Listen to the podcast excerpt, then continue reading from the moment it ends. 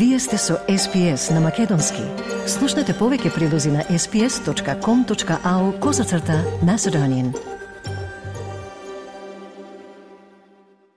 Побарањето за внесување на бугарите во македонскиот устав, што стана и предуслов за напредување на евроинтеграциите, расте притисокот за признавање и небугарско малцинство во Албанија, во областите Мала Преспа, Голо Брдо и Гора.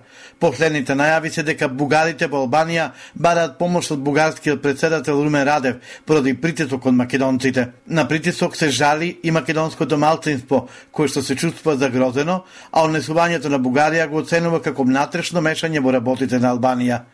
Од Тирана пак нема никаква реакција за проблемот, пренесува Дојче Веле на македонски. Ваквиот притисок доаѓа во пресред на октомври, кога треба да се одржи пописот во Албанија. Паралелното прашање за поделба на општините според бугарските медиуми е загрозено од тамошните организации на македонците кои имаат спој пратеник. При тоа се посочува на Васил Стериовски, лидерот на единствената македонска партија Македонска алијанса за европска интеграција МАЕИ. Тој во интервју за албанската телевизија Euronews Албанија деновиве изјави дека Бугарија е смета за бугарска, не само македонската заедница во Албанија, туку и во балканските земји и тоа е поврзано со политиката на Софија кон Скопје, пишува Дојче Веле. Васил Терјовски во интервју за Сител рече. Во овие години, што кога се призна 2017 година, има и на терен голема кампања за за да можат во октомври да извадат бугари. И тоа што нас не загрижуваме и со албански власти меѓународните фактори имаме алармирано дека се не само што се спрема фалсификат, но се врши притисок врз македонците за изјаснување на на на бугари. Пред се Бугарија последните 2-3 години има смената и стратегија. Ако порано ги, за кој кој аплицираше албански граѓанин за бугарски пасош одеше во Софија, сега ги викаат во бугарската амбасада во Тирана. Владата информира дека по предлог на Министерството за правда на владина Селница е усвоена информацијата за формирање меѓуресорско адхок тело како привремено решение до донесување на нов закон за друженија и фондации. Со оглед на тоа што Министерството за правда не води регистр на историски личности, постои потреба од преодно решение за барањата поднесени од страна на друженијата, кои во името имаат историска личност, информираат од владата. Предходно, министерот за правда Никола Тупанчевски рече Тоа би значило, мојот предлог би се движал во насока или маргините на мојот предлог би биле да се формира адхок тело меѓуресурско кое што ќе дава експертско кое што ќе дава мислење за карактерот на историските личности, односно на начинот на кој што ќе се а, формираат или ќе дадат мислење за давање на согласност. Во таа насока мислам дека ќе биде и намалена можноста за злоупотреба на одредени личности кои што негативен контекст имаат низ различни историски епохи. Ова доаѓа од како во април годинава во Битола беше отпорен културниот центар Ванчо Михајлов, а потоа беше регистрирано одружението со цар Борис III во Охрид. Австриската амбасадорка во Бугарија Андре Вике изјави дека заедно со нејзините колеги амбасадори во Софија биле изненадени од ветото на Бугарија во 2019 година за почеток на преговори со Македонија. Поред неа тоа не ги ставило во ситуација да ги објаснуваат причините за тоа.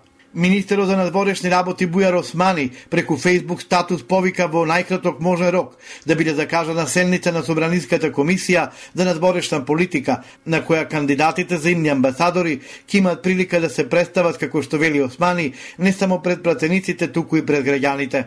Во објавата на Facebook министерот вели дека упатил формална ургенција до председателот на комисијата Антонио Милошовски за како што вели веднаш да престане бојкотирањето на надворешната политика и стратешкиот интерес на земјата и во најкраток можен рок да биде да закажана селница за одбрана на тезите на идните амбасадори.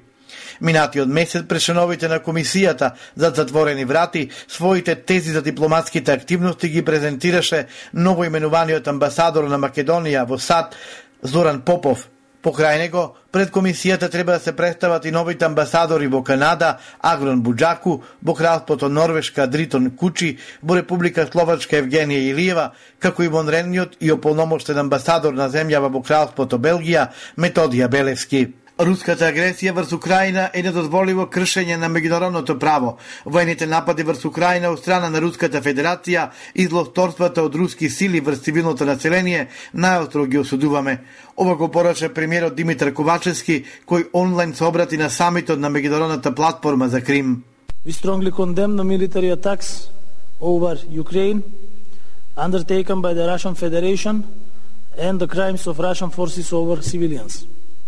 That is why the Republic of North Macedonia decided to align itself 100% with the policies of the European Union when it comes to the war in Ukraine, and we joined to all respective measures and sanctions towards the Russian Federation.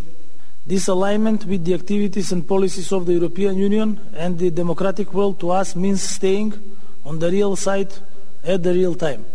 На СБС слушате вести од Македонија. Горан Иванов е назначен за веде директор на управата за финансиска полиција на местото на досегашниот директор Арафат Муареми. Муареми изминатата недела соопшти дека повеќе нема да извршува таа функција, а во меѓувреме беше обелоденето дека истекол и неговиот мандат. Иванов е финансиски инспектор кој има предходно банкарско искуство. Истовремено на владина Селница е разрешен државниот преобранител Фехми Стафа. Тафа беше начело на институцијата која го обвини Арафат Муареми дека своевремено бил еден од истражителите на СЕАО кој ја кочеле продажбата на конфискуваниот имот на Сејат Кочан во случајот Трансмет. Министерот за внатрешни работи Оливер Спасовски негира дека крие документи во ФИОКа и дека не соработува со шефитата на обвинителството за борба против организираниот криминал Вилма Русковска. Ваквата изјава на Спасовски доаѓа по информациите дека МВР не ги доставило сите материјали до обвинителството во врска со случајот Беса Транс, а е врзан со собраќајната трагедија што се случи лани во ноември во Бугарија, во која загинаа 46 македонски државјани. Се што е потребно има во обвинителството и тие материјали се доставени така да не станува збор за никакво скривање на документи или било што, туку се што е побарано е предадено во јавното обвинителство. Ова следува од како која моментално е суспендирана од работа, отвори предистражна постапка за да испита зошто во МВР со месеци се чувала во ФИОКа, а Спасовски не го подпишувал решението за привремена забрана за работа на станицата за технички преглед Вија Комерт, во која на последна контрола бил и автобусот на Беса Транс. Стиснете, ми се допаѓа, споделете, коментирајте. Следете ја SPS на Македонски на Facebook.